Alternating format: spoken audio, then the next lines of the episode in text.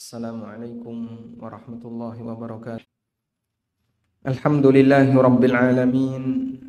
والسلام على أشرف المرسلين. نبينا ومولانا محمد وعلى آله وصحبه أجمعين. وأشهد أن لا إله إلا الله وحده لا شريك له. وأشهد أن محمدا عبده ورسوله صلى الله عليه وعلى آله وصحبه. ومن تبعهم بإحسان إلى يوم الدين Alhamdulillah puji syukur kita haturkan kehadirat Allah Subhanahu wa taala di kesempatan siang hari ini kembali kita melanjutkan kajian rutin dengan membaca buku Bulughul Maram dan insyaallah kita akan membahas tentang bab disyariatkannya sujud syukur bab tentang sujud syukur ketika seorang muslim mendapatkan nikmat yang besar di sisi Allah Subhanahu wa taala. Nikmat yang besar dari Allah taala. Dan di Bulughul Maram Al-Hafidh Ibnu Hajar di bab ini menyebutkan tiga hadis. Hadis dari Abu Bakrah, hadis dari Abdurrahman bin Auf, dan hadis dari Al-Barra bin Azib. Kita akan baca. Hadis dari Abu Bakrah radhiyallahu anhu beliau menceritakan anna nabiyya sallallahu alaihi wasallam kana idza ja'ahu amrun yasurruhu kharra sajidan lillah. Nabi sallallahu alaihi wasallam ketika beliau mendapatkan satu berita yang menggembirakan kharra sajidan lillah maka beliau langsung bersujud kepada Allah Subhanahu wa taala. Rawahul khamsah illa nasai Hadis riwayat imam yang lima kecuali An-Nasai. Imam yang lima adalah Imam Ahmad dan empat ashabus sunan. Ashabus sunan Sunan Abi Dawud, Sunan Nasai, Sunan Tirmidzi dan Sunan Ibnu Majah. Diriatkan oleh imam yang lima berarti Musnad Imam Ahmad, Sunan Abu Dawud, An-Nasai sampai Ibnu Majah dan di sini dikatakan kecuali An-Nasai. Berarti ada empat perawi. Ahmad, Abu Dawud, Tirmidzi dan Ibnu Majah. Wa an Abdurrahman ibni Auf dari Abdurrahman bin Auf radhiyallahu anhu qala beliau menceritakan Sajadan Nabi sallallahu alaihi wasallam fa atala sujuda thumma rafa'a ra'sahu Nabi sallallahu alaihi wasallam melakukan sujud dan beliau memperlama sujudnya thumma rafa'a ra'sahu Kemudian setelah itu beliau bangkit dari sujud.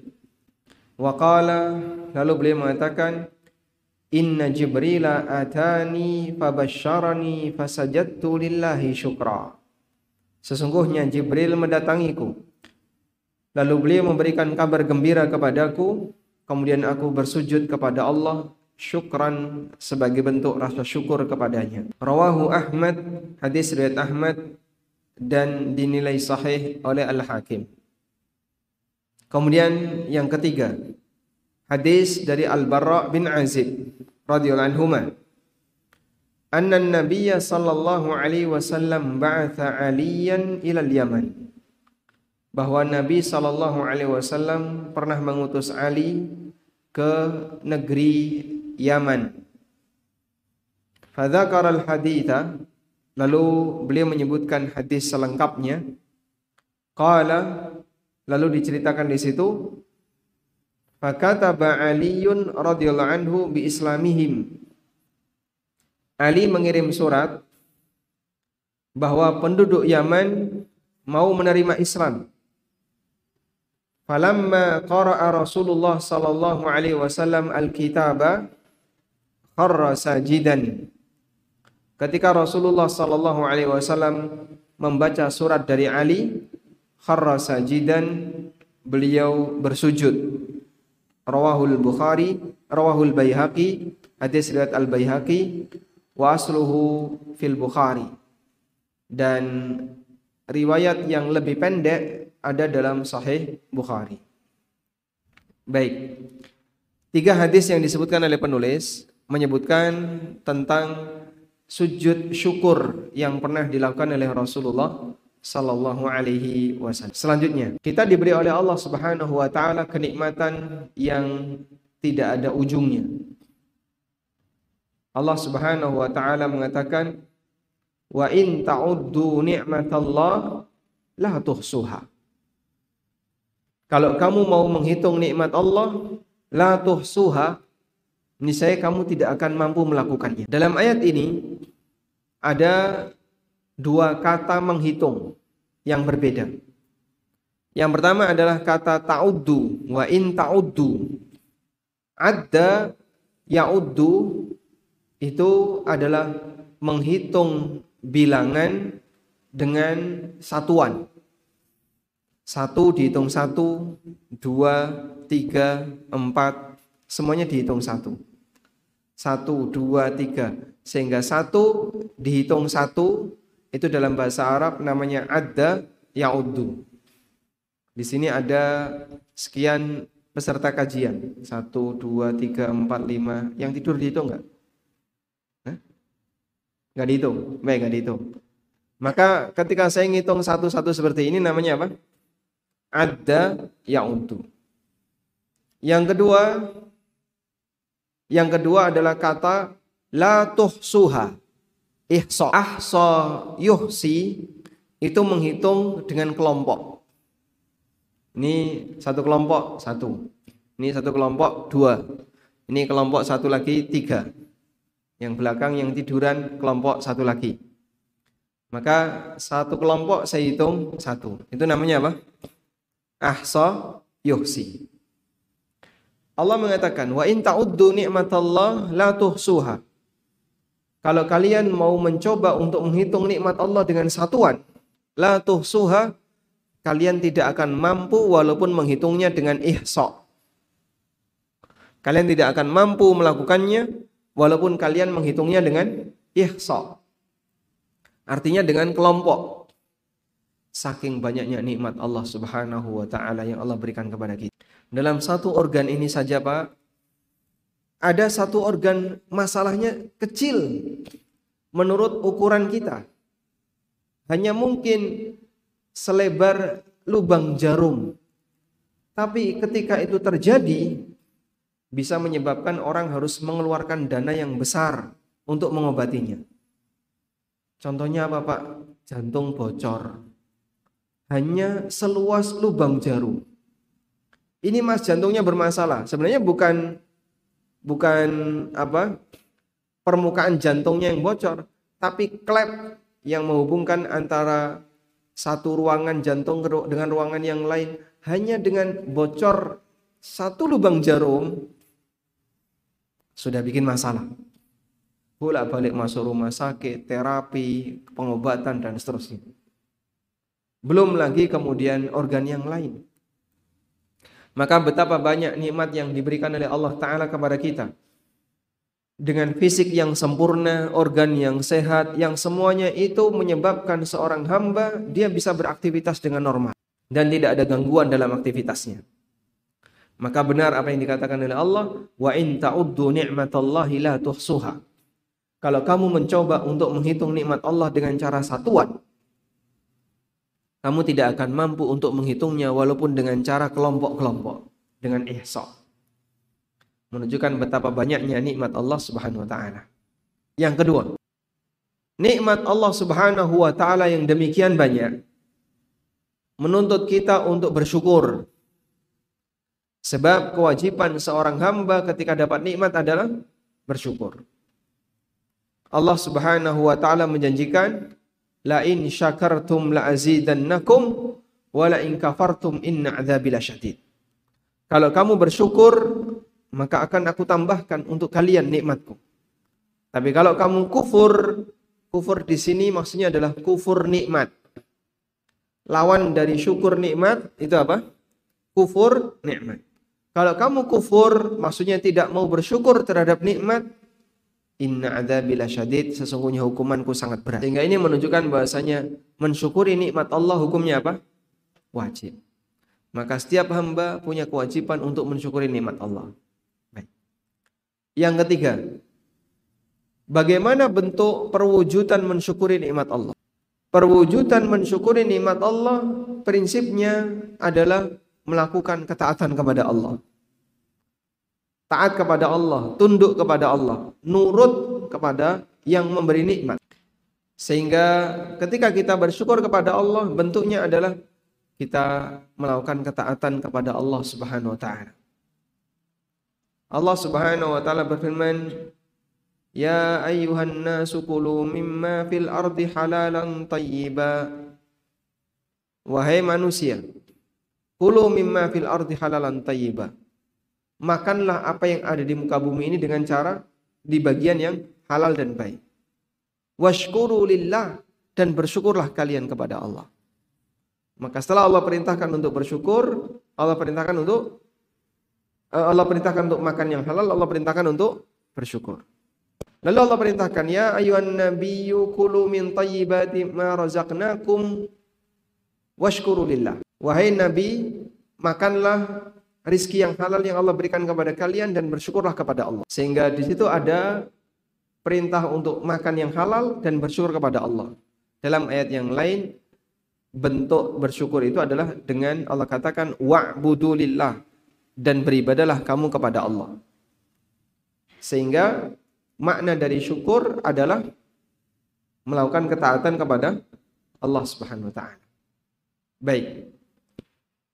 Karena itu ketika seorang hamba berbuat taat kepada Allah, maka sejatinya dia mensyukuri nikmat yang Allah berikan kepadanya.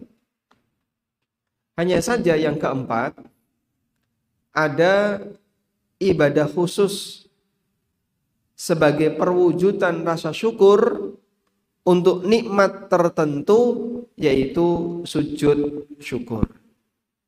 Hanya saja ada ibadah khusus sebagai perwujudan dari rasa syukur bentuknya adalah sujud syukur.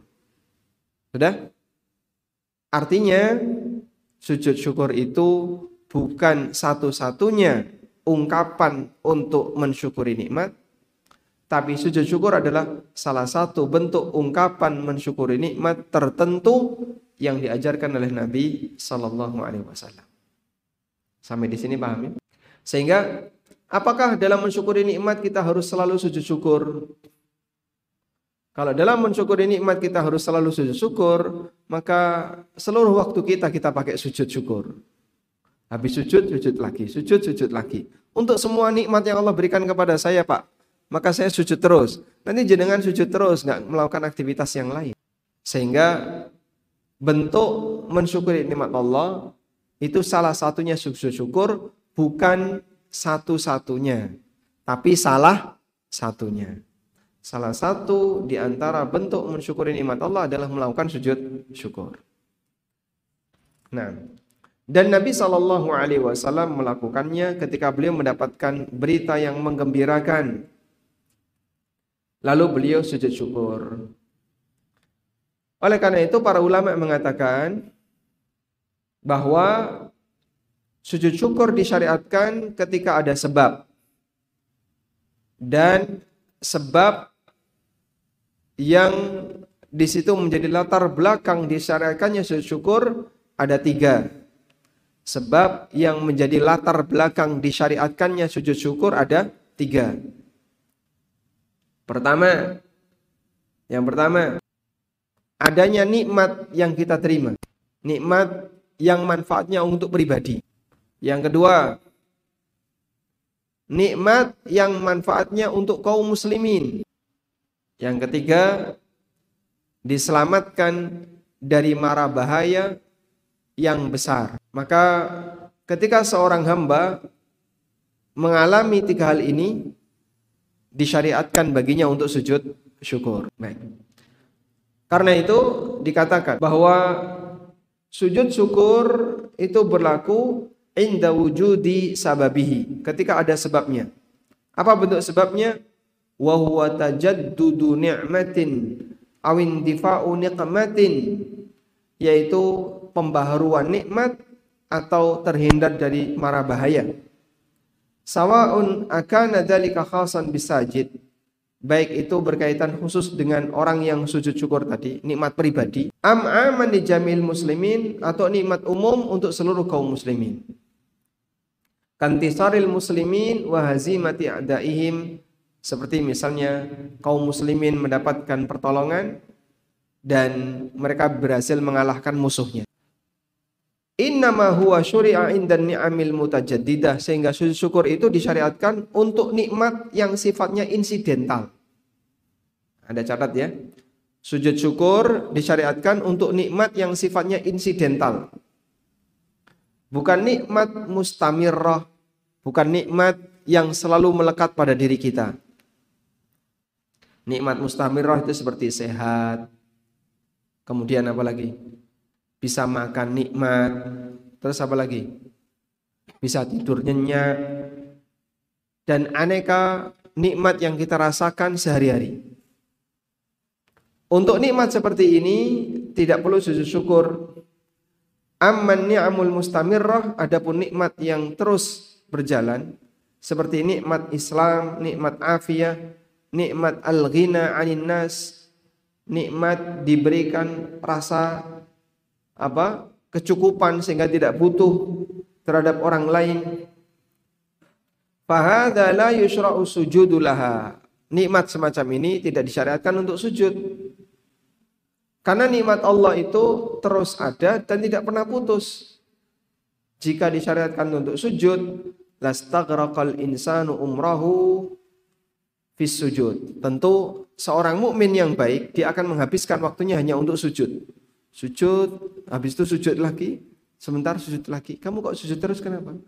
Saya mensyukuri nikmat Allah yang jumlahnya banyak. Ya enggak kayak gini.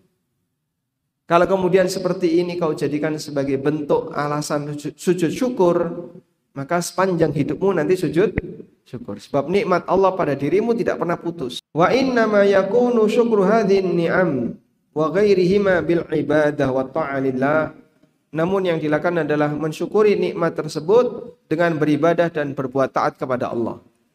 Jadi Anda diparingi sehat, punya kemampuan finansial, punya ini, punya itu, bentuk rasa syukurnya adalah banyak ngibadah kepada Allah Subhanahu wa taala. Baik, insya Allah dipahami. Jadi sujud syukur adalah sujud yang punya sebab. Sebabnya apa tadi? Nikmat yang sifatnya is incidental ada nikmat yang bentuknya keseharian, nikmat yang ada dalam diri kita sehari-hari, maka tidak perlu dilakukan sujud syukur. Karena nikmat Allah itu tidak pernah putus. Sehingga nikmat Allah Subhanahu wa taala kalau semuanya harus diiringi dengan sujud, maka hidup manusia isinya cuma sujud. Selanjutnya, wala yalzamu an takuna nikmatu amatan. Dan nikmat itu harus dan nikmat itu tidak harus menyeluruh. Bal yajuzu ala rajih min qawli ahli ilmi as-sujudu in, inda huduthi ni'matin khasa. Dan pendapat yang kuat di kalangan para ulama, sujud sahwi boleh dilakukan ketika seseorang mendapatkan nikmat pribadi. Tadi sudah kita sebutkan ya. Nikmat itu ada yang dimiliki oleh pribadi, ada yang dimiliki oleh masyarakat umum. Apakah sujud syukur juga disyariatkan untuk nikmat pribadi? Jawabannya iya. Seperti misalnya ada orang yang diberi anak, padahal dia sudah lama ingin punya anak. Atau dia menemukan barang hilang.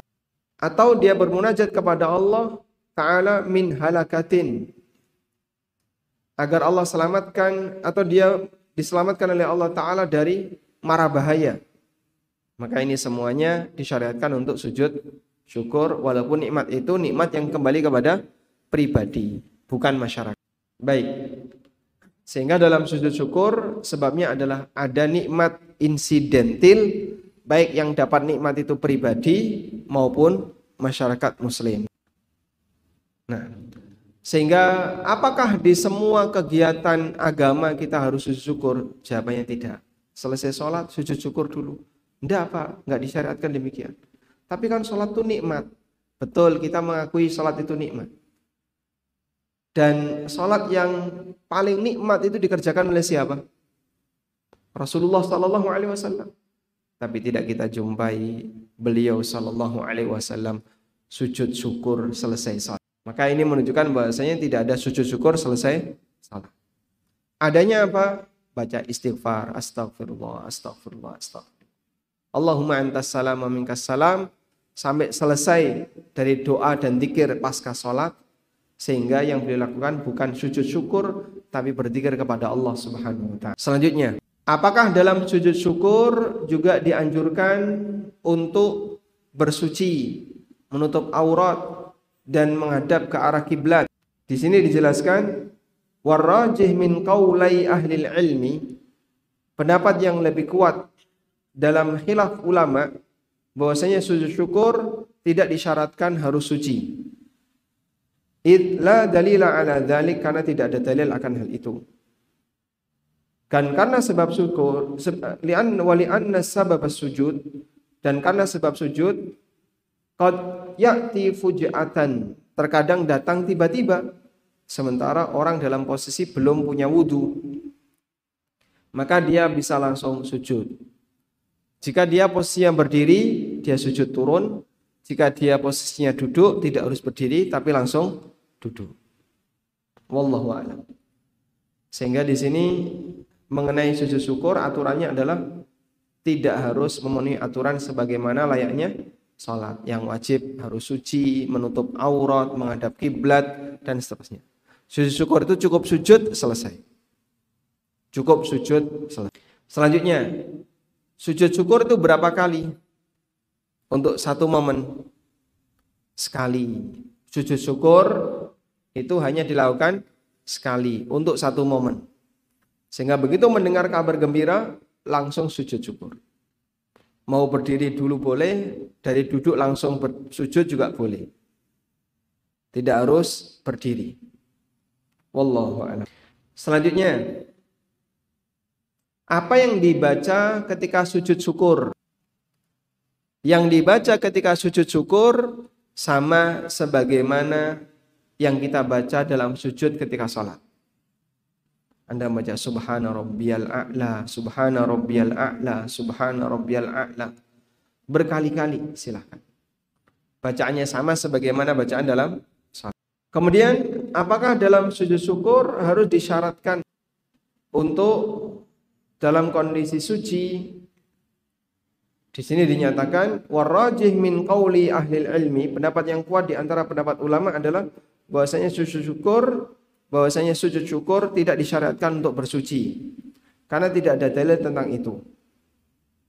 Demikian pula sujud syukur tidak disyaratkan untuk suci dari hadas dan suci dari najis.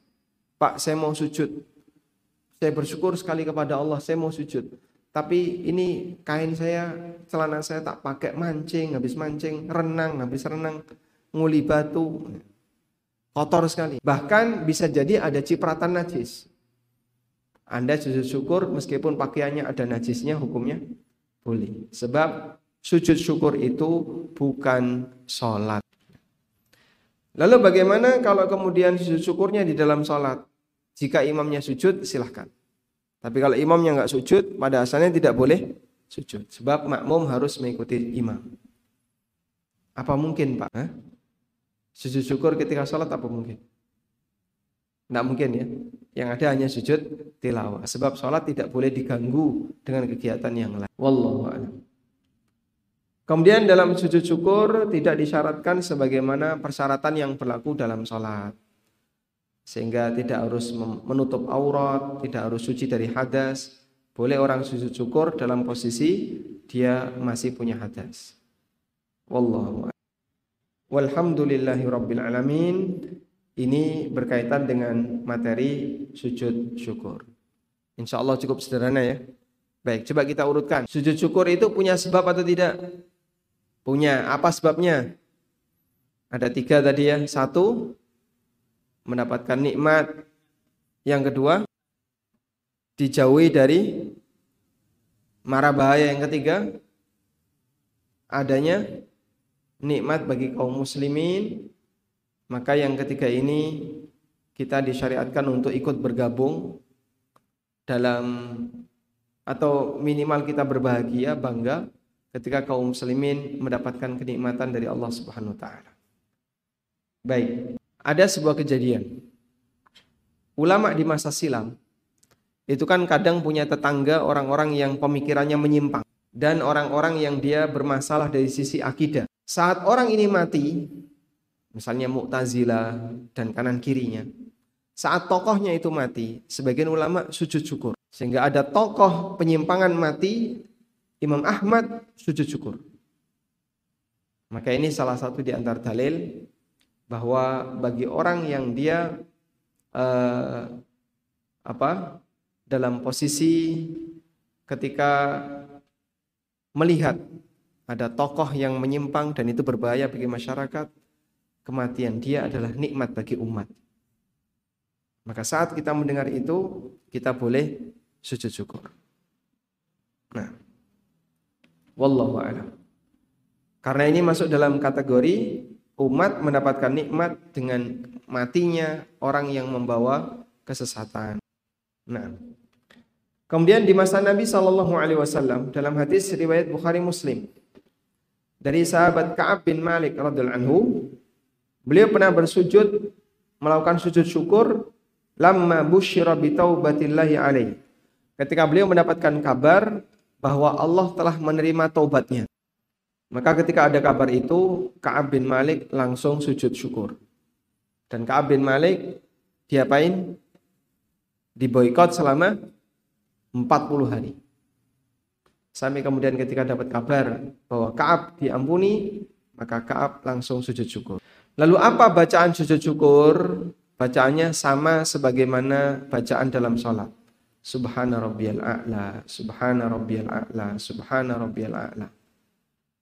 Sama sebagaimana bacaan sujud dalam salat. Tidak ada bacaan khusus. Tapi kalau Anda tambahi dengan doa-doa yang lain, silahkan. Karena dalam sujud termasuk di antara waktu yang mustajab untuk berdoa. Selama sujud itu adalah sujud yang disyariatkan untuk dilakukan. Wallahu walhamdulillahi. Tentang sujud syukur cuman kurang lebih dua halaman. Jadi pendek ya. Dan tadi sudah kita sampaikan beberapa prinsip berkaitan dengan sujud syukur. Ada yang mau disampaikan? Silakan. Cara sujud syukur apakah seperti sujud dalam sholat? Jawabannya betul.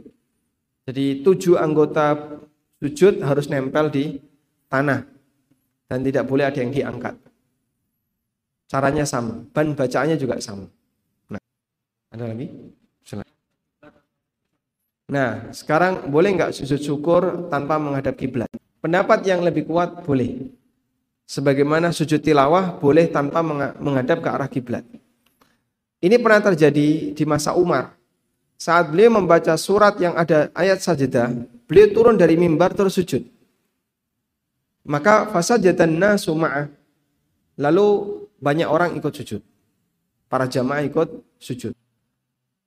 Dan itu ketika uh, apa? Beliau membaca ayat sajadah.